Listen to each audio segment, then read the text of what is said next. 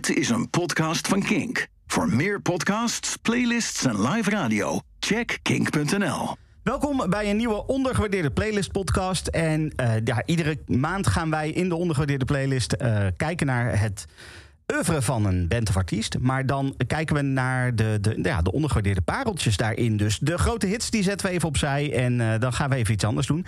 Vorige keer, dat is inmiddels twee maanden geleden, hadden we aangekondigd dat we Stix aanwezig zouden hebben. En dat we het over Stix zouden hebben. Maar uh, de ziekte gooide even roet in het eten. Die zijn we nog aan het herplannen. Uh, dus gaan we wel verder met een ander onderwerp. En Freek, wat is dat andere onderwerp? Ja, dit is er eentje, joh. Uh, we, hebben met de bloggers van ondergewaardeerde liedjes, die ook vaak meestemmen uh, op deze playlist, een, een WhatsApp-groep. Wie is er tegenwoordig geen WhatsApp-groep? En, en dit is een, een, een uh, artieste, en ik mag wel zeggen dat daar al maanden om gebedeld, gevraagd, gezeurd is. niet in de laatste plaats door mensen die ook in deze podcast hebben meegepraat. Dus ik ben heel blij dat we dat eindelijk uh, nu waar kunnen maken. Dat we een podcast hebben, hebben, over een van de heldinnen van de jaren negentig, mag ik wel zeggen, die nu nog steeds relevant, actueel en uh, uh, hip en happening is. PJ ja. Harvey. Ja, en dat is top, want dat is ook nog eens extra actueel. Want PJ Harvey is ook nog eens aangekondigd als headliner van een festival in Nederland. Dus dat is extra, extra mooi, toch? Dat zou ik zo zeggen dan. Ja.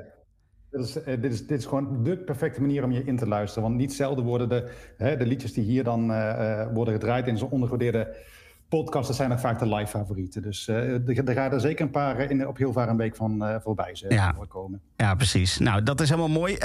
Nou, jij, Freek, als, als opperhoofd van ondergewaardeerde liedjes bent er altijd bij. Ehm, wij, ja, wij, wij introduceren, wij sluiten het af. En jij hebt natuurlijk altijd je notarisstukje. Uh, maar wij zijn niet met z'n tweeën, uh, want uh, we hebben een aantal mensen ook aanwezig die mee gaan praten. of zelfs iemand die zo groot fan was, maar niet aanwezig kon zijn dat hij dingetjes heeft ingesproken. ik ga gewoon eventjes van links naar rechts. Quint, hoi. Hoi Stefan, leuk om er weer te zijn. Ja, ja. Uh, waar, waarom, waarom ben jij hier bij PJ Harvey? Nou ja, ik behoor tot dat uh, zeer selecte gezelschap. Samen met Jeroen, die alleen uh, als geluidsfragment aanwezig is vanavond. die hier al een half jaar om gebeteld heeft. Ja. Ik ben echt een hele grote fan, liefhebber van PJ Harvey. Daar moet ik heel eerlijk bij zeggen dat ik dit jaar heel veel heb bijgeluisterd. Want ik was eigenlijk een beetje oud ja, outgetuned. Ik, ik, ik kende de eerste vijf, zes albums redelijk goed. En ik ontdekte dit jaar echt iets fenomenaals. Uh, en daar komen we later op terug. Daar komen we later op terug, oké. Okay. Uh, naast jou staat Naomi. Ja, nou uh, ja, ik ben er ook weer. Um, ja, muziekliefhebber in, in het algemeen. Maar ja, PJ Harvey is gewoon eigenlijk iemand die al, al, al lang meereist um, in, in mijn leven, denk ja. ik. Ja, oké. Okay. Uh, ik had het net al even over iemand die uh, heel groot fan is, maar die niet fysiek aanwezig kon zijn en ook niet digitaal kon aansluiten. Uh, dat, is, dat is Jeroen. Jeroen die heeft ook even zichzelf nog voorgesteld, maar door dat even in te spreken. Mijn naam is Jeroen Merk. Van oorsprong journalist, maar tegenwoordig communicatieadviseur.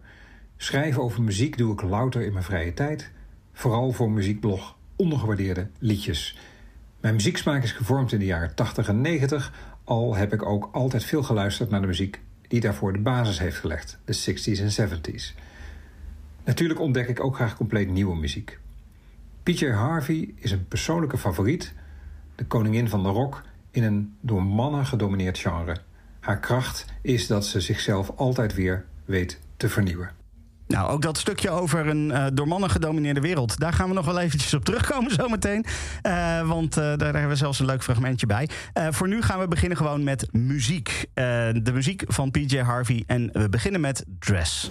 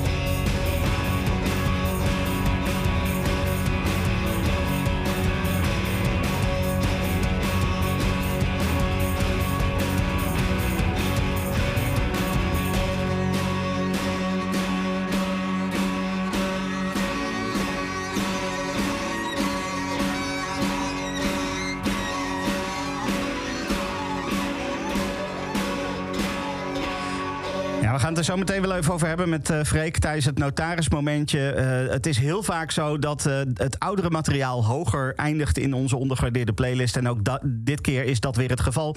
je hoort de dress van het album Dry en die staat op de nummer 1 in de ondergewaardeerde playlist. dus Naomi, ja, dit is wel blijkbaar een heel populair nummer onder de ondergewaardeerde liedjes. Oh, sorry. Ik moet ik je microfoon wel omhoog gooien. Ja. ja, dat is het natuurlijk ook. Um, het is denk ik, ja, misschien wel het bekendste onbekende liedje. Zo kan je het denk ik wel zien. Um, dus het hoort absoluut op onze lijst uh, thuis. En nou ja, we zijn hier uh, teruggeslingerd naar 1992, hè, mind you. Um, uh, voor mij was dat ook de eerste kennismaking met PJ Harvey. Ik was toen op Pinkpop dat jaar.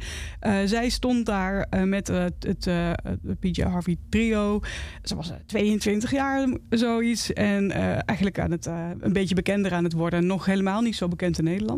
En uh, ja, in de voorbereiding op uh, vandaag heb ik natuurlijk ook weer eens even in de oude uh, archieven gekeken. En ik keek de televisieopname terug van de uitvoering van nummers Stella, Dress en Hair, die ze daarin deed.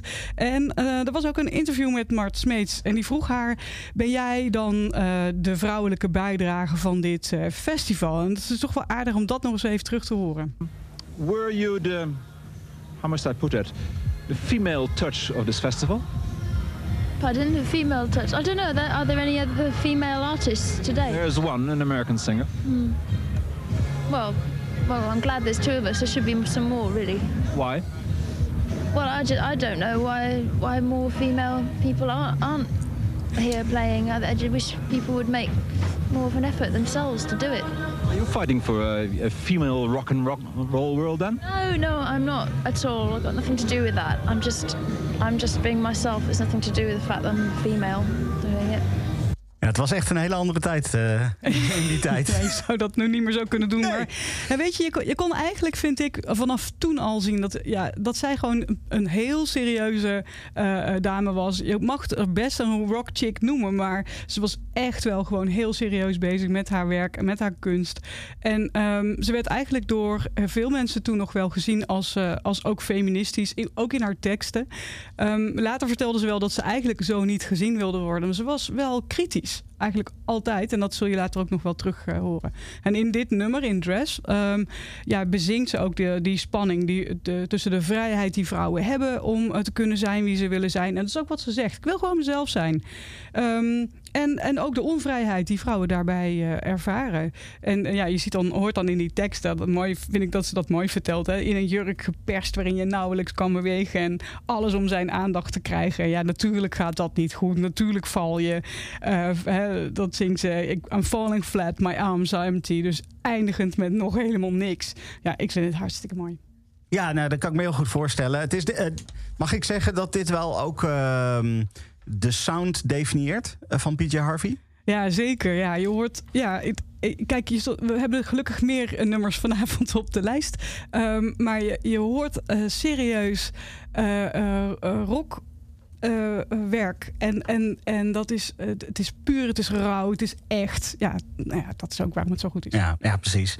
Oké, top. Um, volgende liedje, dat is uh, van datzelfde album Dry. de nummer drie van de ondergewaardeerde playlist. ja, van sommige albums draaien we dan twee liedjes als ze allebei heel hoog geëindigd zijn.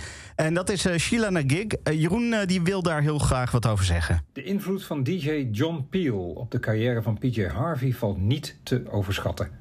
Deze Britse voorvechter van alternatieve muziek ontdekte niet alleen David Bowie, de Sex Pistols en Underworld, maar dus ook onze Polly Jean. Een beetje hulp kon ze ook wel gebruiken, want als jong opkomend talent worstelde ze zelf nog geregeld met twijfel en podiumvrees. Bovendien kreeg ze weinig publicitaire steun van haar toenmalige platenlabel Too Pure. Sterker nog, er werd in de tijd gezegd dat haar eigenlijke PR-bureau het muziekblad Melody Maker was, waar Peel in de tijd voor werkte en daar haar nummer Dress uitriep tot single van de week. Luttele dagen na de release van Dress schoof het PJ Harvey Trio, zoals het toen nog heette, aan tijdens de radioshow van Peel op BBC Radio 1 en speelde daar vier geweldige tracks.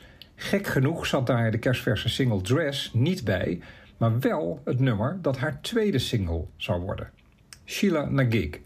En dat klonk echt super strak. Het is een perfecte rocksong met een strakke riff, hardkloppend baswerk en een op hol geslagen drumkit. Textueel is dit echt de vroege PJ Harvey. Seksueel, sensueel en expliciet, maar tegelijk ook kritisch over hoe je daar als vrouw anders op wordt aangekeken dan als man. De term Shilanagig staat voor een middeleeuws houtsnijwerk van een vrouw met een overdreven grote vulva. Feitelijk waren dat waarschuwingen tegen zondigheid, maar later zouden ze juist de vrouwelijke vruchtbaarheid symboliseren. We hadden de studioversie van Dry kunnen draaien, maar vanwege de rol die John Peel speelde in Harvey's carrière, kozen we in deze podcast voor haar radiooptreden op 29 oktober 1991, dat ook te horen is op het live album The Peel Sessions.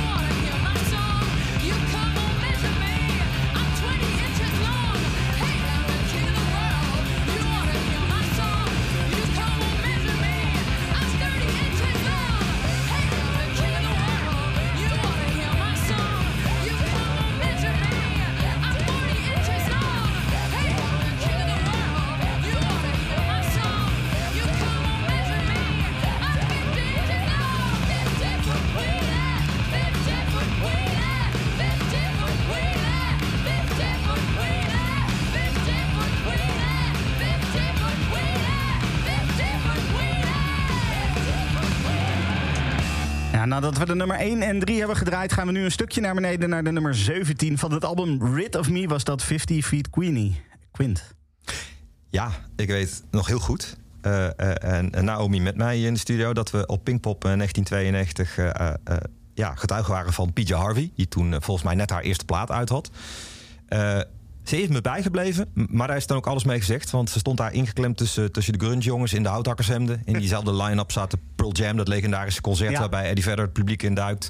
Een Soundgarden die zo ontiegelijk hard baste dat er een wolkbreuk boven het hoofdpodium eh, ontstond. Ik, ik, ik kan me ook eigenlijk alleen maar van die Pinkpop herinneren dat ik zeiknat was de hele tijd. Dus muziek beklijfde pas veel later eh, met terugwerkende kracht. Eh, we gaan het zo ook hebben over de derde album, waarmee ze dus echt, echt doorbrak. En toen ben ik terug gaan luisteren. eh, en toen kwam natuurlijk eerst Dry en vervolgens eh, Rid of Me. En ja, eh, Rid of Me geeft wel een nieuwe lading aan de termen als rauw en direct. het is wel echt eh, behoorlijk in your face. Het, eh, eh, misschien go- goed om daarbij te vertellen dat eh, ze die plaat...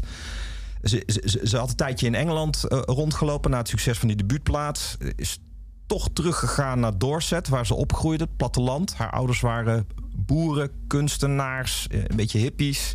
En daar heeft ze eh, het grootste deel van Rid of Me geschreven. Herstellende van een zenuwinzinking naar verluid. Wordt ook gezegd dat daar een relatie die ze met een medemuzikant had moest verwerken.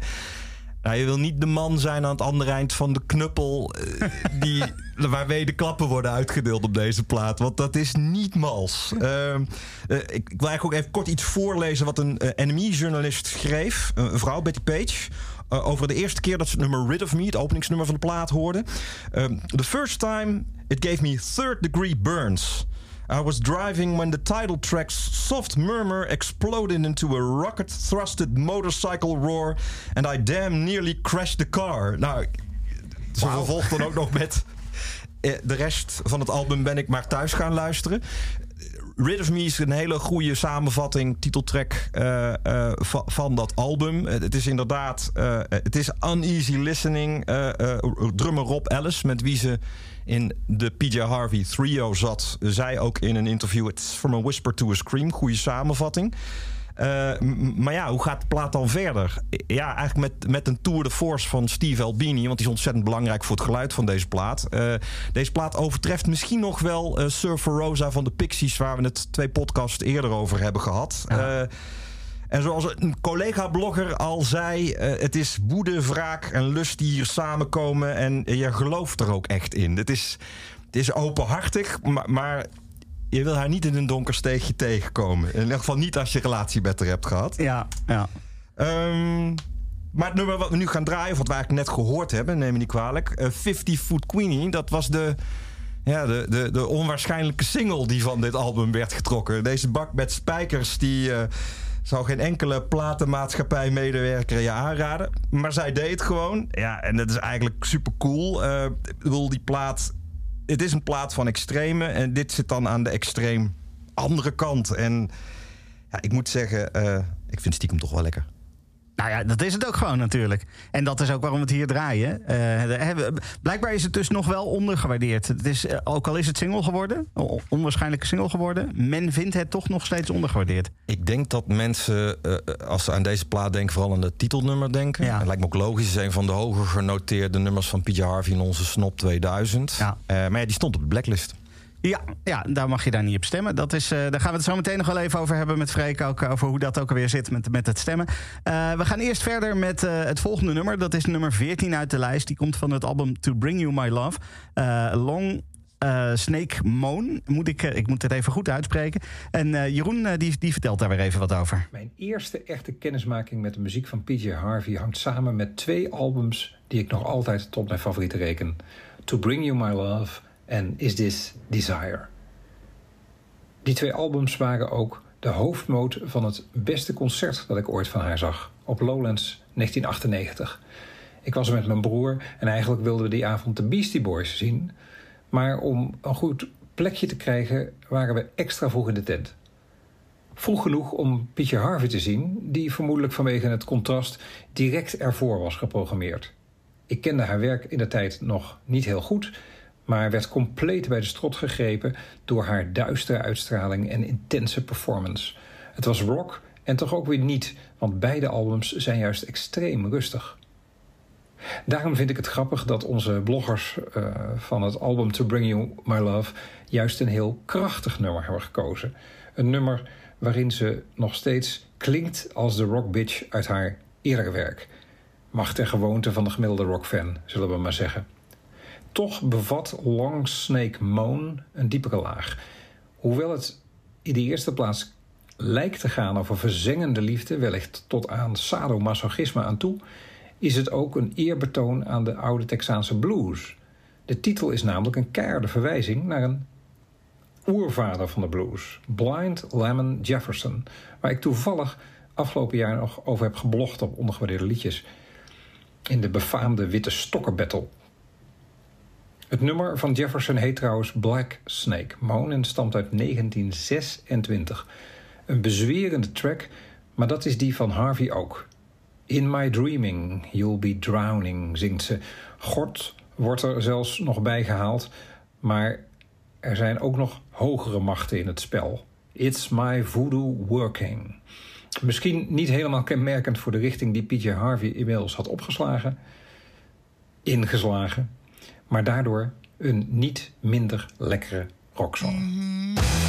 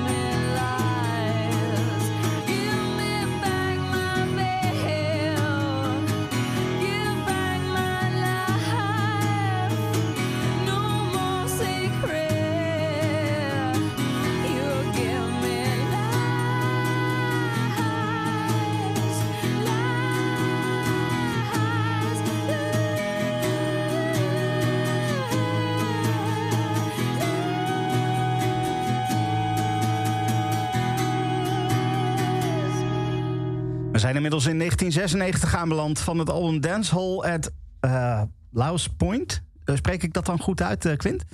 Ik heb het al die jaren ook zo uitgesproken. Nou dan, eh, ik dan ik zal kijk ook altijd zijn. naar dit soort woorden Ja. van... Geldt ook bijvoorbeeld voor de, de, de band die hier genoemd moet worden. Ze- Eigenlijk is het een plaat van John Parrish waar PJ Harvey aan meewerkt. Ja. Speelt geen instrument, ze zingt alleen. Ja. En eh, die twee kennen elkaar uit een, een, een, ja, een bandje uit de Dorset scene. Bij ons allemaal bekend natuurlijk. Ja. En dat bandje heeft de, de, de, on- de- ja, de onmogelijke naam Automatic Dlamini. En nou weet ik niet of ik Dlamini dan weer goed uitspreek, maar we doen het er maar mee. Eh Dancehall at Laos Point is overigens een verwijzing naar een, eh, een schilderij van eh, Willem de Koning, de Nederlandse abstracte expressionist. Oh, we hebben gewoon een Nederlandse inbreng hier dus. Jazeker, eh, ja. zeker. Ja, ja, dat vond ik nog wel een mooi, eh, mooi, mooi leuk feitje. Ehm, ja, eh, To Bring You My Love, waar Jeroen het net al over had... dat was, ja, dat was een eclatant succes. Kreeg ze een Mercury Music Prize nominatie voor. Ze won hem niet. Hij stond ook dat jaar hoog bij ons in de, in de oormoord. Of eindlijst, moet ik zeggen. ja. Was niet de nummer één, maar wel, ik geloof, nummer drie of nummer vier. Mhm. En ze was ja, wel behoorlijk afgeleefd naar het toeren van die plaat en het echt het alles overweldigende succes daarvan. Eh, en ze koos ervoor om even, even ertussenuit te gaan. En, en wat misschien niet veel mensen weten, is dat eh, zij is ook, eh, zelf ook beeldend kunstenaar. Haar ouders zijn dat ook. En ze gebruikte die tijd, de tijd tussen To Bring You My Love en haar volgende plaat, die pas in 98 zou verschijnen, om ja, allerlei ja, projectjes op te pakken. Ja. En, en dat was beeldende kunst dus, maar bijvoorbeeld ook het schrijven van filmmuziek. Allerlei losse samenwerkingsprojecten. Eh, ja, eh, ook weer een mainstay uit de Stop 2000 is het nummer Henry Lee. Het duet wat ze samen met Nick Cave zong... en wat op de plaat Murder Ballads staat. Ja. Ze zingt er op die plaat ook nog op een ander nummer. eh, Death is not the end, de Dylan cover. Ehm, ja, ik zal het even heel kort vermelden. Naomi gaat er zo meteen meer over vertellen. Maar dat was ook het begin van haar relatie met Nick Cave. Ze zijn een tijdje samen geweest. Ja. Hij is bij haar ingetrokken in haar flat. Toen woonde ze in Chelsea. Eh, maar deze dancehall at Lounge Point was een van de eerste dingen die ze deed na To Bring You My Love. Eh, eh, eigenlijk haar mentor John Parrish ook meegeholpen had aan To Bring You My Love. helpen met zijn plaat. En wat zij deed voor die plaat was eigenlijk allerlei stemexperimenten. Ze ging gewoon op zoek naar allerlei verschillende karakters. Sowieso is PJ Harvey iemand die naar teksten heel erg schrijft vanuit karakters. En voor deze plaat ging ze heel veel ja, eigenlijk uitproberen. En ja, dat, dan heb je dus een, ja, toch ook weer een plaat, net zoals Rid of Me, die van het een naar het andere extreme vliegt. En eh, je hebt dus aan de ene kant strommelvlies startende stemband-experimenten. Niet allemaal even prettig zijn om naar te luisteren. Maar aan de andere kant dus ook dit nummer, That Was My Veil. Wat, ja, wat, wat gewoon een heel mooi liedje is. Ehm, wat ook de single was, overigens, van het album. Of gewoon de platenmaatschappij eh, eigenlijk al vrij snel inzag... dit is commerciële zelfmoord, na, na zo'n succes als To Bring You My Love. Zullen we die Peggy Lee cover alsjeblieft uitbrengen? Die staat namelijk ook op dit album. Is That All There Is? En dat is een meesterlijke cover van eh PJ Harvey. Ik ken niet zoveel nummers die PJ Harvey covert. Dit was een hele mooie, maar eh, zowel Parrish als PJ Harvey zeiden... dat gaan we niet doen. Het woord That Was My Veil. En deze plaat werd ook niet heel erg getoerd. Hij, is, hij is één keer op de planken geweest. En daarbij speelde de band eh, als begeleiding bij een balletvoorstelling. De band op de achtergrond, aan de achterkant van het podium. En eh, eh, ja, de, de, de- het was modern ballet. Dus dat was ook al vrij extreem. Ik denk dat het goed bij elkaar gepast heeft. Maar PJ Harvey's naam stond dus ook heel klein onderaan het affiche. Dus Ja. ze wilden daar geen credits voor. Dus dat is eigenlijk wel weer heel mooi. Ja, met dat verhaal over die cover eh, eh, van dat Peggy Lee nummer. Peggy is natuurlijk een bekende, eh, ja, ik weet niet of je een crooner kunt noemen, maar ze zit wel een beetje in dat segment. Ja, dan komen we aan bij een nummer van PJ Harvey, wat volgens mij niet zo heel erg veel mensen kennen. Sterker nog, ik heb als voorbereiding voor deze podcast de Ultimate Music Guide van Uncut over PJ Harvey gelezen. En die maakt ook geen enkele melding van dit nummer. Terwijl ik, ja, ik heb dit toen ik bij Free Record Shop werkte, tweede helft jaren 90, helemaal stuk gedraaid. Ehm, het nummer heet eh, Zaz Turned Blue. Ik zal daar zo nog even wat meer over vertellen. Het is ook een cover. Ehm, het is te vinden op een verzamel-cd Loungepalooza. En dat is een beetje een, ja, het is een ongebruikelijke combi tussen eh, grunge en easy tune. Eh tweede helft jaren 90 was easy tune hot. De, nieuwe lulligheid noemden wij het ook wel. De Easy Aloha's uit Nederland traden daarmee op. Hè, schemerlampje op het podium en ja, lullige liedjes. En iedereen ging helemaal los. En deze cd probeert dus deze twee toch wel een beetje uiteenlopende genres aan elkaar te knopen. En dat doen ze eigenlijk best grappig. Je hebt aan de ene kant grunge acts of alternative acts die lounge covers doen. En aan de andere kant heb je eh, lounge artiesten die grunge covers doen. Dus zo staat daar bijvoorbeeld een geweldige versie van Steve en Eddie. Ik ken ze niet, maar ze waren echt heel groot in Las Vegas. En die zingen Black Hole Sun van Soundgarden naar grote hoogte. Ja, hoor eens geloven. Dat is echt prachtig. Doen ze echt heel goed. Eh, PJ Harvey koos voor een nummer van Mel Tormé. En ik, wij zijn, mijn collega en ik, destijds gaan zoeken naar het origineel. Want wij dachten, dat is iets uit de ja, late jaren 50, vroege jaren 60. Niks daarvan. Dat is een nummer van Was Not Was. Die wij in Nederland kennen van eh, Walk the Dinosaur. eh, Papa Was a Rolling Stone, bekende cover. Eh, maar die hadden een paar platen gemaakt in de jaren 80. eh, waaronder dus eh, de plaat Born to Laugh at Tornadoes. Geen mens kent die plaat. Die plaat eindigt met Zaz Turned Blue van Mel Tormé. Ja, en wat PJ Harvey en Eric Drew Feldman, die jaar daarbij hielp qua arrangement meedoen, dat is. De, ja, daar kun je alleen maar stil van worden.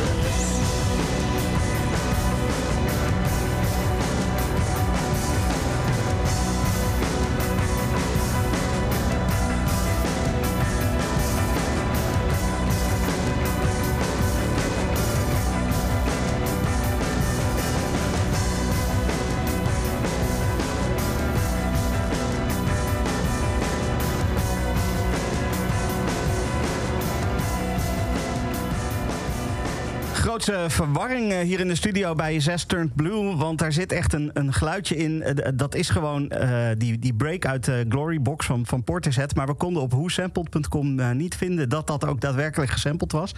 Ehm, maar we zijn er wel van overtuigd, hè, Quint. Dat is, dat is wel hetzelfde stukje. Ja, in de auto op weg hier naartoe heb ik het nummer nog eens goed beluisterd. En Ja. dacht ik hetzelfde als jij. Ik Ja, had precies. ergens gelezen, PJ Harvey doet Portishead in dat nummer. Ja.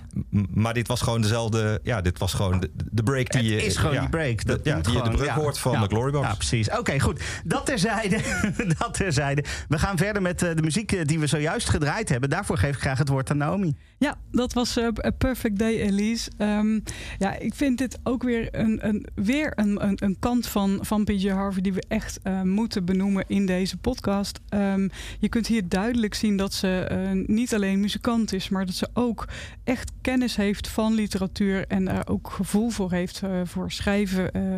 En zij verwijst in deze eh, plaat op meerdere eh, plekken, meer, meerdere nummers, eh, naar, naar teksten die, die, ze, die voor haar belangrijk zijn. En dit nummer is dat een verhaal van Salinger.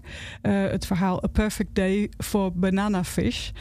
Wat eigenlijk een heel bizar verhaal is. Want in dat verhaal gaat een hoofdpersoon op vakantie met zijn vrouw. En dan gaat hij daar ehm, zonder zijn vrouw naar het strand. Er komt een meisje tegen en neemt dat meisje dan mee op een vlot. En dan vertelt hij haar een onzinverhaal over banaanvissen. Die zich dan eh, kogelrond eten eh, eh, in een gat. En dan uit dat gat niet meer kunnen ontsnappen. Omdat ze zo veel gegeten hebben. Een to- totaal maf verhaal. Ehm, en dan, dan, dan, dan leent ze daar gewoon letterlijk een, een zinnetje uit, uit die tekst.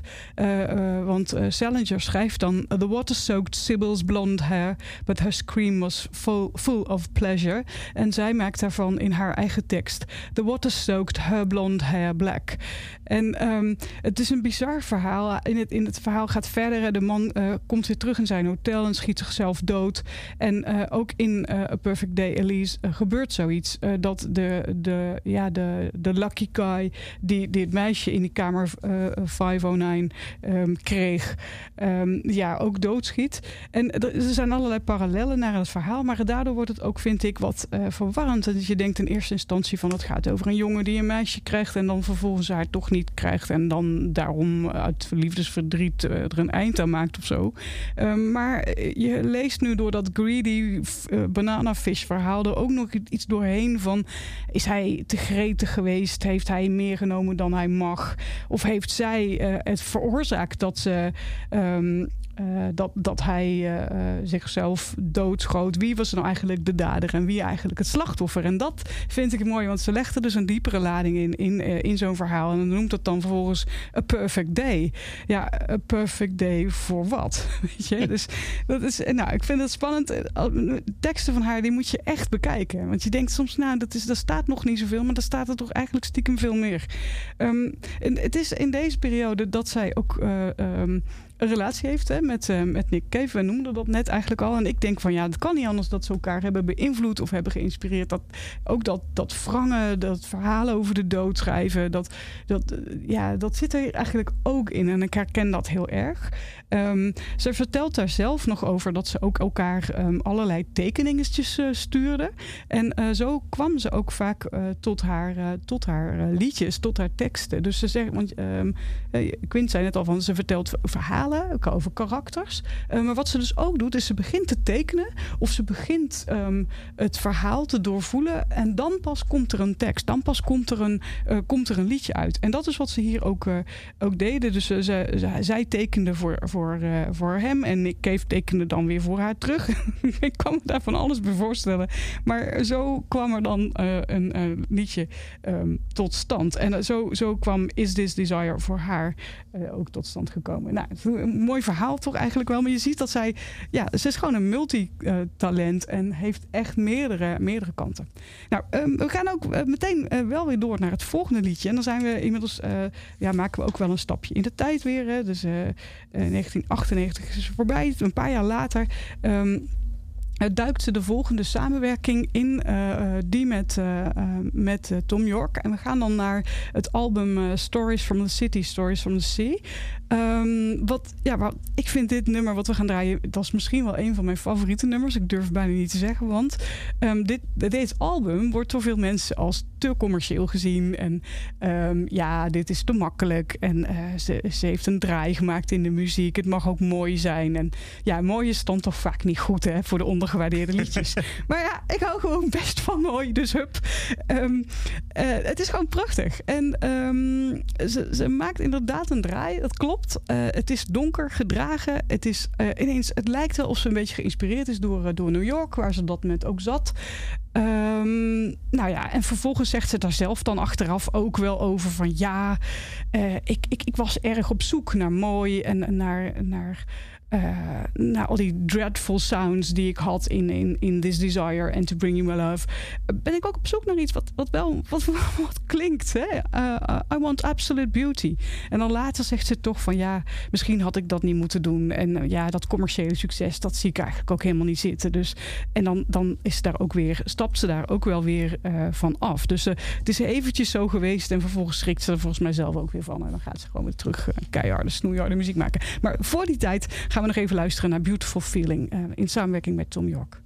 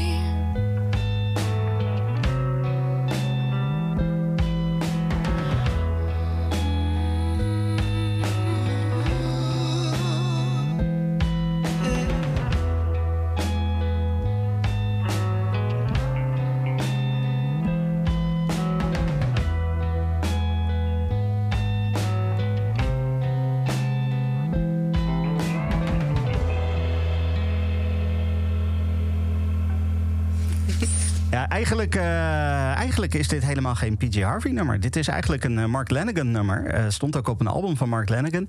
Ehm, eh, maar PJ Harvey doet er natuurlijk wel ook prachtig, prachtig op mee. Ehm, voor, voordat we gaan praten over dit liedje... wil ik eventjes eh Freek het woord geven om zijn notarisstukje te doen. Want hoe zit dat dan precies, Freek? Dit is een Mark Lanigan nummer. PJ Harvey doet er wel op mee, maar dan kan je er dus wel op stemmen. Ben ik echt op afgestudeerd. Dat is echt, eh, daar kan ik uren over praten. Nee, dat is een grapje. En je bent misschien nu halverwege die, eh, die podcast en je denkt, ja, waarom draaien ze nu eh, die ene, en die, dat liedje wel en dat liedje niet? Maar we hebben daar een heel systeem achter zitten. Wat, wat we eigenlijk willen doen hier, is, is, is een lijst samenstellen met de meest ondergewaardeerde liedjes van een bepaalde artiest. Nou, waar, begin je dan mee? Dan ga je eerst kijken, wat zijn de liedjes die definitely niet het meest ondergewaardeerd kunnen zijn? Dus, ja, simpelweg omdat ze gewoon... eh, het populair zijn. Nou, bijvoorbeeld bij PJ Harvey hebben we dan een blacklist. Daar staat This Mess In en, Down by the Water. Dat zijn hele eh, populaire liedjes, het vaakst beluisterd op Spotify, et cetera. Dan hou je nog een heel oeuvre over. En dan laten we dan eh, heel veel mensen op los die daar van alles vanaf weten. Dus mensen mogen stemmen op 10 liedjes. Ehm, eh, en, en, en aan de hand daarvan gaan we weer een totaallijst maken met nummer 1 tot met 60 in dit geval. Ehm, en eh, daar zijn we op uitgekomen dat in dit geval, die, die hebben we meteen al in het begin gedraaid, dat Dress het meest ondergewaardeerde liedje is van PJ Harvey volgens de fans, volgens de kenners. Nou, ehm, wat hoor je nou vandaag tijdens die podcast? Ehm, dan geven we daar een kleine twist aan. In plaats van dat we zeggen we draaien nummers 1 tot en met 10, is het eigenlijk veel leuker om chronologisch door het werk heen te gaan bladeren. En zeggen we draaien meest ondergewaardeerde tracks van alle albums eh, door het oeuvre heen. Dus eh, eh, vandaar dat we wel begonnen met, met de nummer 1, maar vervolgens meteen naar nummer 3 gingen en et cetera. Dus je hoort, je, je hoort dus vandaag eigenlijk de meest ondergewaardeerde liedjes in de meest, nee, in de chronologische volgorde. Dat is wat we vandaag doen. Is Ja. dat, in, mijn hoofd klopt dit, maar is, is dit eh, nog eh, te volgen? Ja, waarbij we dan ook, waarbij we dan ook. Kijk, we hebben bijvoorbeeld van het eerste album eh, eh, waar we wat van draaiden, van Dry, hebben we twee liedjes gedraaid. Maar dat doen we bij de meeste albums doen we dat niet. Hè? Dan doen we er maar eentje. En sommige albums zelfs helemaal niet. Nee. Maar we vinden, weet je, als, als, als de experts vinden dat van dat album en het meest ondergewaardeerde li- ondergewaardeerde liedje, eh, als dat erop staat, en de nummer drie van de lijst, eh, dat is ook niet wat heel erg hoog geëindigd is, dan vinden we dat we dat de luisteraar niet mogen onthouden. Dus dan draaien we die allebei. Maar we Ja. proberen eigenlijk ongeveer een liedje per album te draaien. Dat is onze ideale avond eigenlijk. Ja, ja, precies. Of middag. ja, of ochtend, wanneer je ook luistert, midden in de nacht, mag allemaal. Het is een podcast, dat is het mooie van podcast. Eh, Oké, nou dat is in ieder geval wel, wel, wel duidelijk dan. Eh, en ehm, eh, hoeveel mensen hadden er mee gestemd met- met PJ Harvey? In dit geval eh, een 15. 15. Ja, dus dat is toch een, eh, een eh, flinke hoeveelheid mensen die dan eh, hun mening mag geven. En daar maken we dan ja, die lijst op basis van, eh, van, van, van die stemmen. Ehm, Oké, dat is mooi. En dan, dan komen we dus ineens met, eh, met een liedje eh, van Mark Lanigan waar PJ Harvey eh, op, op meedoet. En ik ga Quint even het woord geven. Ja, ehm, het mooie is, het werd net al gezegd, Eh, er stemmen 15 mensen. En dus vallen er ook albums buiten de boot. Eh, in dit geval viel het album Uh, Uh uit 2004 buiten de boot. Maar in dat jaar verscheen wel een fantastische soloplaat van, eh, van Mark Lanigan. Ehm, nou moet je weten, ik, ik, heb dat volgens mij net ook al eerder verteld. Eh PJ Harvey, eh, tussen platen door, is altijd aan, aan het hobbyen. Eh, in eh, 98 eh, eh, sprong ze bijvoorbeeld bij op de derde plaat van Tricky. En zongen ze samen het duet Broken Bones. Ook prachtig. Heb ik ook opgestemd. Dacht ik, hoop ik. Heeft het niet gehaald. Maakt niet uit. Prachtig nummer. Eh Sparkle Horse, drie jaar later. Zijn derde plaat, It's a Wonderful Life. Ook twee nummers, Piano Fire en Eye Pennies. Ook schitterend. Ehm, ja, en ergens in, in, dat, in, in, de, tijdsgebied belanden ze dus ook eh, bij eh, de troep van... eh, en met de troep bedoel ik dan het gezelschap van George Homme... die natuurlijk zijn befaamde Desert Sessions opnam. En op volume 9 en 10 eh, werkt PJ Harvey mee. Een aanzienlijk aantal nummers, vocalen... maar ze speelt ook van alles en nog eens wat. Waaronder saxofoon, ook heel grappig. Dat speelde ze als kind al. Eh, werd hier net ook al in de studio gezegd. Ehm, ja, en, en iemand die natuurlijk ook in, die, in, die, in dat gezelschap verkeerde... was Mark Lanigan, die onder andere natuurlijk meezong... op eh, het doorbraakalbum van de Queens of the Stone Age. En eh, ja, toch de verloren zoon van de grunge... eh, van wie ik persoonlijk vind, en daar zijn sommige bloggers met mij eens... dat we daar toch ook maar eens een podcast aan moeten wijden. Want, dus dat wordt mijn volgende zeurproject, heb ik al bedacht. Oké, Freek, Maar goed, Freek Mark luistert mee, dus dat komt helemaal goed, Freek, of niet? Dat is- Helemaal fijn dat we weten dat je nog niet klaar bent, Quint. Dat Nee, ik weet het, ik weet het. Eh, eh, Mark Lanigan maakte dus in 2004 Bubblegum. Prachtige plaat. Op die plaat eh, werken eh, Greg Dolly van de Afghan Wigs mee. Die twee werken wel vaker samen. Twee, twee heren van Guns N' Roses, Duff en Izzy, zingen op een nummer mee. Natuurlijk zo'n beetje de hele band Queens of the Stone Age verleent daar instrumentale steun en toeverlaat. Ja, en PJ Harvey op twee prachtige nummers. Eén van die twee nummers vinden we geregeld in Snop 2000. eh, Hit the City. Dat nummer komt ook dit jaar weer binnen. En het nummer waar we zojuist naar luisterden, eh, Come to Me. Ja, dat, dat, is, dat, dat vind ik van die twee eigenlijk de betere. En is ook een, denk ik een zwaar verdiend plekje in onze eh, top 10 van deze ondergewaardeerde playlist. En eh, ook hier zou ik weer een collega-blogger even willen aanhalen. Die ooit in een blog over Mark Lanigan schreef. een, een, zingende asbak die 's ochtends grind bij zijn cornflakes gooit. Zo, zo klinkt die. ja, Lenny Vullings moet vaker bloggen. Nou, het was echt liefkozend bedoeld. Hè? Maar als je dat combineert met PJ Harvey's ja, toch wel uiterst verleidelijke stemgeluid, smachtend. Ja, dat is een smeulend vuurtje, dit nummer. En je wil eigenlijk alles aan doen opdat het niet dooft. Ja, ja, nee, precies. Ja, ik eh, ben het wel eh, een soort van eens met je dat we eh, Mark Lanigan ook een keer aandacht moeten besteden. Dat, is wel zwaar ondergewaardeerde persoon. Goed, dat gaan we allemaal lekker eh, buiten deze podcast eh, verder be- bespreken. Ehm, dat was eh, dan eh, Come To Me van Mark Lanigan eh, samen met PJ Harvey. Dan gaan we verder met het volgende nummer van het album White Chalk. De nummer 5 van de ondergewaardeerde playlist. En Jeroen die vertelt er het volgende over. White Chalk uit 2007 is een sleutelalbum in het oeuvre van PJ Harvey. Vanaf deze zevende studioplaat ging ze extreem experimenteren. Tot nu toe opereerde ze binnen het klassieke rock-idioom. Ja, natuurlijk stoeide ze op Is This Desire al met atmosferische soundscapes, maar in essentie bleef ze rockplaten maken. Tot White Chalk dus. Dit is een echte pianoplaat, een beetje à la Tori Amos maar dan veel donkerder richting gothic. Zo kleedt ze zich ook. De zangeres uit Dorset draagt ineens klassieke zwarte jurkjes met kant, alsof ze is weggelopen uit een 19e eeuws schilderij. En zo klinkt ze ook. Deze tijdloosheid, soms doorspekt met archaïsche woorden, keert ook in later werk terug, zoals haar meest recente album I Inside the Old Year Dying. Het is bijzonder dat ze op White Chalk voor de piano koos. Harvey is een multi-instrumentalist, maar niet extreem bedreven in pianospelen. Dat zag ze zelf als een voordeel, want het verschafte haar, naar eigen zeggen, oneindige vrijheid bij het componeren. De eerste single die dit opleverde is When Under Ether. Op een simpele, repetitieve pianomelodie citeert ze onder meer de dichter T.S. Eliot. Zijn gedicht gaat over een reiziger, maar er is ook wild gespeculeerd dat Harvey met haar tekst zou verwijzen naar abortus. Die speculaties heeft ze trouwens altijd nadrukkelijk weersproken. Voor wie het pianoriddeltje direct herkent, zonder een grote Harvey fan te zijn, dat kan. Het nummer kreeg een tweede leven dankzij de soundtrack van Netflix-serie Peaky Blinders.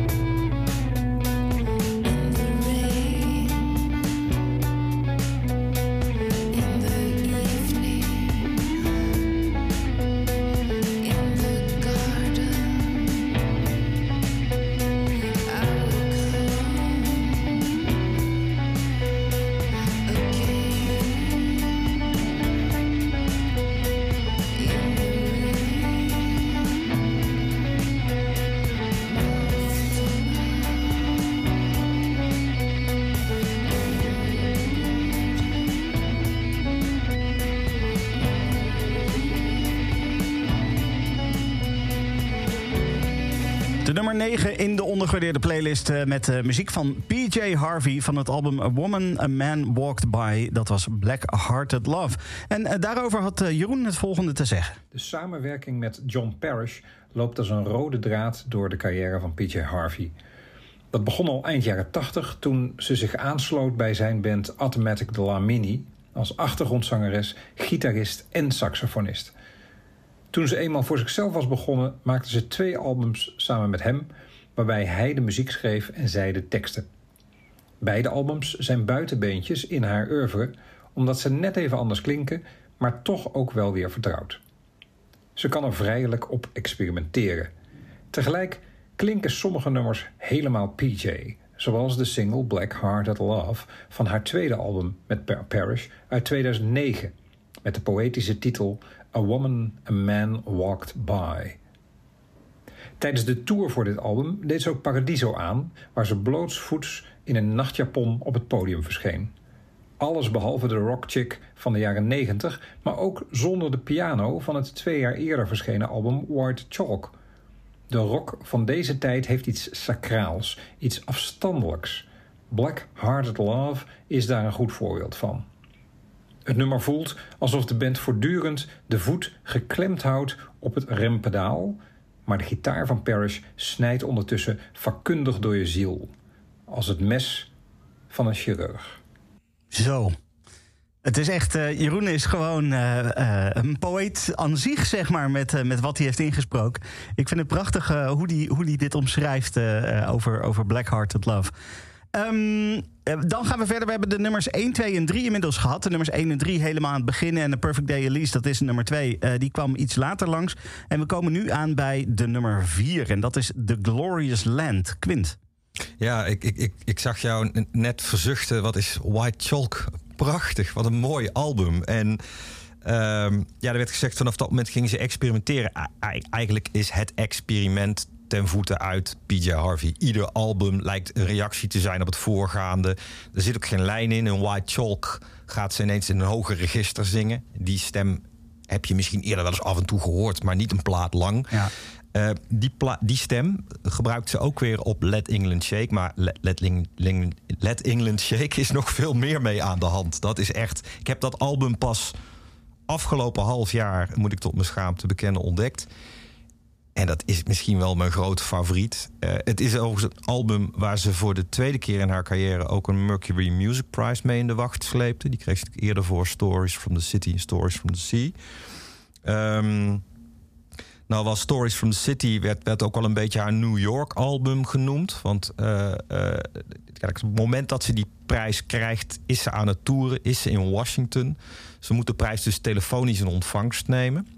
En ja, in Washington was net dat vliegtuig op het Pentagon gevallen. Dus ze wist eigenlijk niet goed hoe ze moest reageren daarop. Maar eh, geheel onterecht zijn mensen daarna eigenlijk gaan zeggen... ja, dat zijn New York albums, haar weerslag van. Terwijl het album was al gemaakt werd al getoerd. Sloeg eigenlijk nergens op.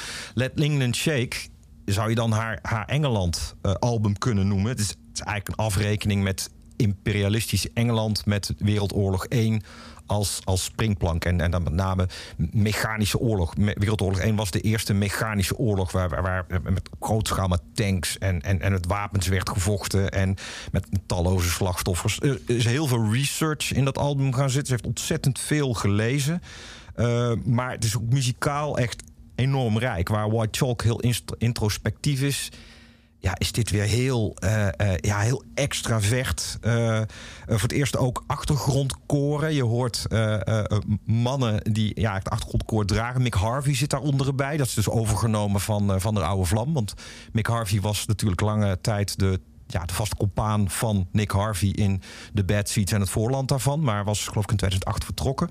Nou, die, die zit nu bij de PJ Harvey Band, zeg maar. Ja, en wat ook nog wel bijzonder aan dit album is... Ze heeft eigenlijk anderhalf jaar opgezeten toen het af was. Dus het was eigenlijk al klaar in 2009, denk ik, omgerekend. Uiteindelijk bracht ze het uit en toen kwam ze in, uh, op de BBC in de Andrew Marr Show... en speelde ze wat nummers daarvan voor Gordon Brown, die toen nog premier was. En een jaar later kreeg ze die prijs. En mocht ze terugkomen in de Andrew Marr Show. Ja, en toen zat daar David Cameron, de, de nieuwe premier. Ja. En die zei: Ja, eh, ja mijn, eh, mijn vrouw en ik kennen je hoor. Eh, zij heeft hem gedownload op iTunes. En we hebben er een paar keer goed naar geluisterd. En dan lulde die daarna heel snel overheen. Ja, dat is. Maar ja, we gaan dus luisteren naar The Glorious Land. Eh, Ja, een van de, de mooiste nummers. Eigenlijk staat het album van voor tot achter vol met, met, met mooie nummers. Ja, en behoorlijk politiek getint. Eh, en misschien nog wel goed om even door te steken naar... eh, eh, een, ja, het zou na Let England Shake vijf jaar duren voor er weer een album zou volgen. En eigenlijk is Let England Shake weer het, het grondwerk voor de Hope Demolition Project in 2016. Wij gaan daar niks van draaien. Jeroen heeft daar toch een stukje research voor gedaan, dus die moeten we daar even wat over laten vertellen. Na Let England Shake bracht PJ Harvey vijf jaar later, in 2016, nog een tweede politiek album uit. De Hope Six Demolition Project richt zich niet specifiek op Engeland, maar put wel weer uit haar samenwerking met filmmaker Seamus Murphy. Samen bezochten ze voor dit nieuwe album Afghanistan, Kosovo en de achterbuurten van Washington, D.C.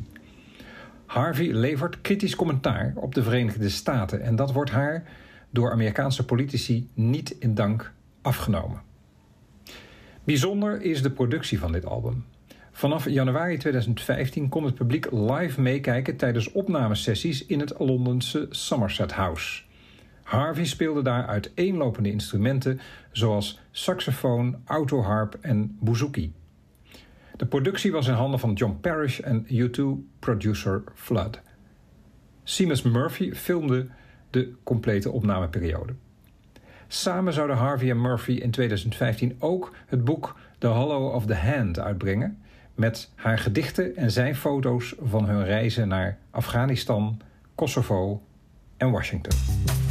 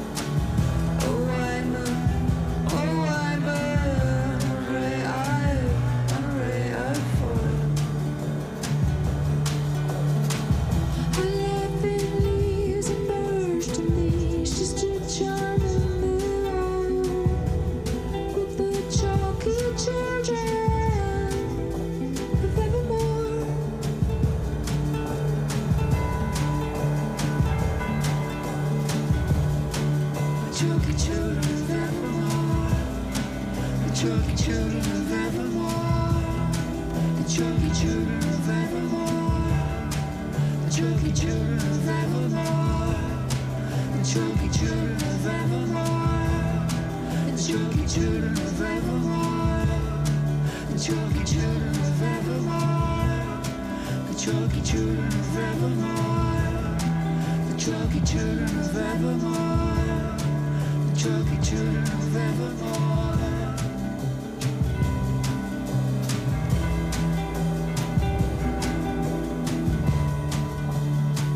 En zo zijn we ineens gewoon in 2023. Want eh, toen was er ineens eh, nieuwe muziek van, van PJ Harvey, Naomi. Ja, nou is dat niet super fijn dat we gewoon een plaat uit dit jaar hebben. Ehm, weet je, als je deze podcast luistert en dan heb je dit natuurlijk allemaal gehoord en dan, en dan ben je nu hier. Ehm, ik denk ook als je eh, de laatste plaat van haar als eerste zou luisteren, dan zou je ook daarmee fantastische kennismaking hebben met deze eh, geweldige artiest.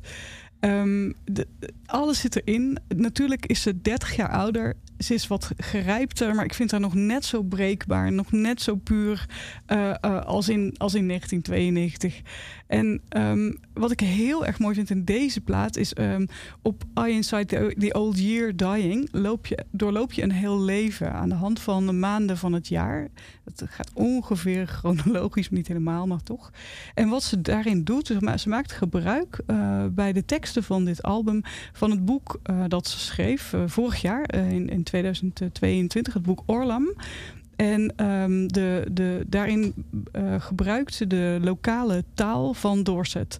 Dus eh, ehm, het is een, een, een, een oude eh, taal, het is een, een vorm van een dialect, maar het is wel echt, ja, het is gewoon een, een oude taal. En ehm, wat, ze, wat ze dus doet, is een, een verhalend gedicht schrijven in dat boek. En dat in, in deze teksten van deze, van deze nummers zie je dus eigenlijk allemaal gedichten. Dat is eigenlijk wat ze doet. Het, is gewoon, het zijn gewoon gedichten op, op muziek. En ze vertelt ook hoe dat, hoe dat in dit maakproces ook weer eh, gegaan is. Ook met, met beelden, met, met woorden, met muziek. Dat ging allemaal door elkaar heen. En als ze even niet meer wist hoe de tekst verder moest, dan ging ze even muziek maken om te voelen wat ze bedoelde. En dan gingen ze daarbij tekenen om te begrijpen hoe het eruit moest zien. En zo is het eigenlijk een, ja, ook een film. Zo kan je het eigenlijk ook zien. En dat, ook dat is trouwens echt ook aan te raden als je eh, eh, de kans hebt om ook even te kijken naar de, naar de bijbehorende clips. Eh, onder andere van dit nummer. Ja, die zijn heel erg kunstzinnig gemaakt. Het zijn getekend met de hand en dan geanimeerd. Die zijn, ik vind ze ronduit ontroerend. En wrang ook hoor. Dus het is ook echt PJ Harvey. Het is echt niet alleen maar lieve liedjes. Hè. Dat is nog steeds zo. Ehm, en in, in, in dit nummer in, daar zitten we in, in december. En, en december ziet zij als de, de liminal space. Eigenlijk is alles in het bos is dood en, en stil in afwachting van wat er gaat komen.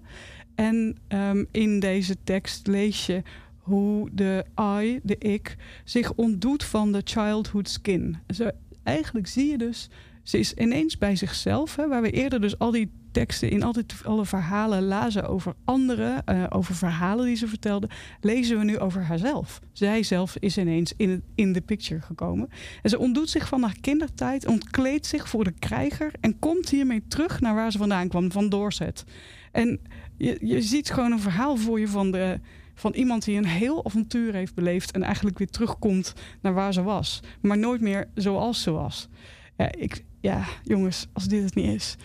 Dit, ja, het is prachtig. En even goed nieuws nog weer, eh, ook over dit eh, album. Het heeft een eh, Grammy Award nomination gekregen voor Best Alternative Music Album. En eh, die, eh, nou ja, je- we gaan het zien. Eh, de awards zullen op 4 februari worden uitgereikt. En ja, laten we er het beste van hopen. Nou ja, als ik dit hoor, dan, eh, dan, dan verdient het het in ieder geval wel om, eh, om zo'n Grammy eh, in ontvangst te nemen. lijkt mij in ieder Ja, geval. dat denk ik ook, ja. Ja. Ik ben er een beetje stil van Naomi. ik vind het super vet. Echt heel gaaf. Als je Freek, eh, te sprakeloos krijgt, dat, dat vind ik best knap. Ja, ja nee, dat, dat, dat, dat is zeker waar. Nee, ik, ik heb mij even net even in de chat al een bekeerling eh, eh, genoemd. Ik had, zeg maar, ik stond redelijk blanco, eh, begon ik aan de wedstrijd als, als gewoon... Ja, ik was gewoon niet heel erg bekend met het werk van PJ. Weet je, sommige artiesten, daar stap je in en die blijf je volgen. En andere, die, eh, daar ben je nooit ingestapt. Eh, eh, dus heb je ook nooit heel veel mee kennis eh, leren maken. En ik heb echt eh, vanavond eh, eh, dingen voorbij horen komen van ik denk, oh, dit is wel echt een gemis geweest in mijn leven. Waaronder dus, en misschien al die laatste track nog wel als meeste. Ook, ook super mooie tip om dan beginnen gewoon met het laatste album. Ik, ik vind het altijd leuk om toch echt wel ook actuele, actuele muziek te luisteren en, niet altijd terug te grijpen naar de 90s. Dus die, gaat, die gaat morgen op. Ja. ja, die gaat morgen op. Ja.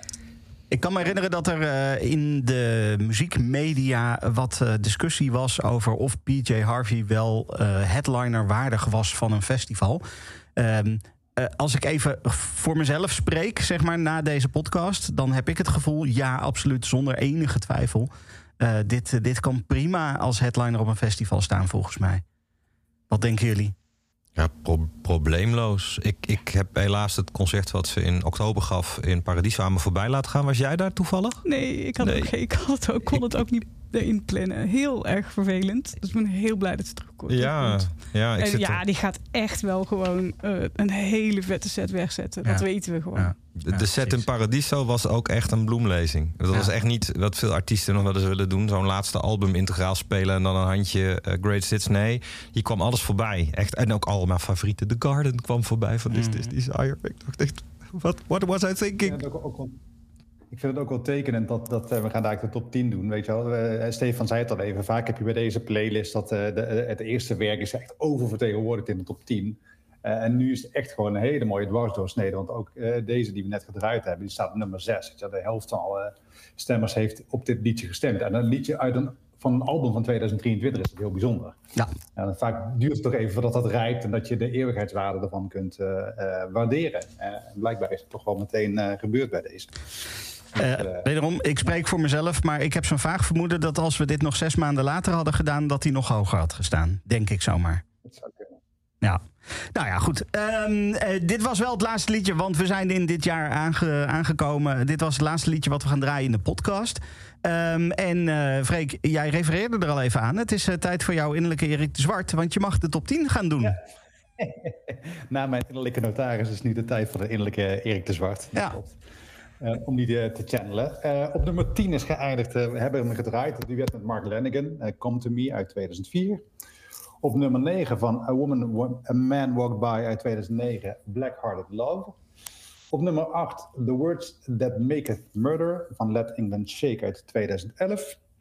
Op nummer 7, het bijzondere 6, Turn Blue van Loungapalooza uit 1997. De cover van Was Not Was.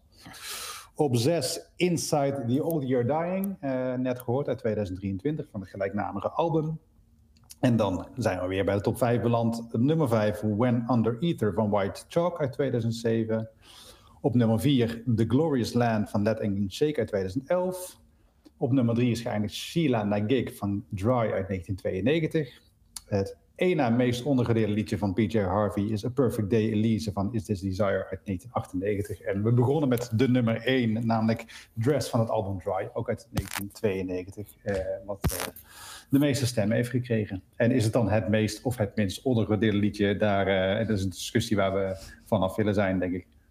Ja, eh, de podcast is nog niet voorbij. Of we moeten al rectificeren, want er werd hier al heel hard nee geschud... terwijl jij de top 10 aan het eh, voorlezen was. Wat wij net gedraaid hebben was I Inside the Old I Dying... eh, van het album I Inside the Old Year Dying. Oh, ik heb... Oké, ik I stand corrected. ja, is wel even belangrijk om even, even, even te melden. Ehm, Oké, nou dan kunnen we daarmee eh, een, een, een streep zetten onder, eh, onder PJ Harvey. Ehm, eh, dat, ik, ik wil ook zeker Quint, Naomi en ook Jeroen, die, die echt fantastische bijdrages heeft, heeft gemaakt. Eh, heel hartelijk danken eh, voor hun bijdrage. Eh Freek, we hebben dit niet voorbereid, maar eh, ik denk niet dat we nu al gaan aankondigen wat de volgende artiest gaat worden, omdat we nog niet precies weten eh, wanneer we kunnen herplannen met Stix. Hè? Kunnen we wel doen. We kunnen wel zeggen, kijk, er zijn twee mogelijkheden. Er zijn twee parallele universen die zich ontvouwen vanaf hier. Ja, oké. De ene mogelijkheid is Stix beter en hebben we volgende maand eh, een Stix podcast met Stix in de studio. Eh, dat wordt een feestje. Eh, mocht het niet zo zijn, dan hebben we gewoon een alternatief achter de hand. Want waar eh, PJ Harvey de headliner is van één geweldig festival deze zomer, is er een- nog een ander mooi festival. Nou, er zijn er natuurlijk heel veel, maar tegenhanger van Best Kept Secret is natuurlijk wel een beetje down the rabbit hole in Beuningen, waar Ja. ik zelf ook kaartjes voor heb. Dus eh, eh, eigenlijk hadden we deze band pas in het najaar op de planning staan. Maar toen we hoorden dat deze headliner zouden worden van Down the Rabbit Hole, dachten we, nou, misschien moeten we deze sowieso maar voor laten gaan. Want dat is weer een mooi moment om, eh, om in te luisteren. In het werk van, Naomi doet hier een klein dansje, eh, van The National. Ja. Ja, dat is natuurlijk ook een typische kinkartiest. Dus daar, daar ben ik ook persoonlijk wel heel erg blij mee. En ja, prachtige headliner ook. Ja, het, het leuke is, ik heb net even zitten kijken wat moet aan de blacklist worden. En dat, is een, een- dat, dat, dat komt niet zo vaak voor dat je de blacklist samenstelt waar dan twee liedjes van Taylor Swift in staan. Ja, ja. maar ja, die Vooral zijn wel... de eerste keer. die zijn wel natuurlijk extreem populair. Dus ja, die, die moeten wel de blacklist in. Dat, eh, die mogen niet mee. Dat, dat dan weer wel. Nee. Nee. Oké, nou ja, dan ehm, Wordt een hele mooie. Eh, hou eh, vooral ook de, de socials in de gaten. eh, want daar hoor je vanzelf dan of het volgende maand of de maand daarna de National wordt. En of het volgende maand of misschien de maand daarna Stix wordt. Dat dat gaan we dan vanzelf wel merken. Ehm eh, vergeet net te melden, maar ook wel extreem belangrijk. Op ondergewaardeerdeliedjes.nl kan je de hele ondergewaardeerde playlist. Want wij hebben natuurlijk maar een, een, een dwarsdoorsnede van die playlist hebben we in deze podcast gespeeld. Maar op ondergewaardeerdeliedjes.nl kan je de hele playlist beluisteren. Ehm, eh, met, met alle liedjes waarop gestemd is in de, in de juiste volgorde. Voor zover ze dan weer op eh, Spotify staan. Ehm, want volgens mij staat die 6 Turn Blue eh, niet, eh, niet op Spotify. Die is te. te eh, ja, wat, is dat zeldzaam of Ja, obscuur. obscuur om, om op de streamingdiensten te staan? On, ondergewaardeerd. Onder, Ondergewaardeerd. Ja, ja, nou ja, goed, dat is een goeie. Dus dat is wel even belangrijk om te noemen. En dan, als je wil meestemmen met The National, dat kan ook. Eh, dan moet je even contact opnemen met Freek. Dat eh, kan Freek eh, via. jij, jij doet nog steeds Twitter X. Overal. Ja, Twitter zit ik. ehm, en je kunt hem ook op Blue Sky tegenwoordig op Threads vinden. Je kunt ook ondergewaardeerde liedjes op al die platformen vinden. En als je daar een berichtje naar stuurt of even een mention, dan komt het ook allemaal. Dan komt het allemaal goed. Ja. Oké, dus als jij mee wil stemmen met The National, laat het vooral even weten via de verschillende social media. En dan stuurt Freek jou vanzelf de instructies daarover. Ehm Freek, jij ook weer bedankt. Eh, en ehm, volgende maand eh, ongetwijfeld ook weer een eh, leuke nieuwe ondergewaardeerde playlist. Bedankt voor het luisteren naar deze Kink podcast. Abonneer je op deze podcast via de Kink app en wees altijd op de hoogte.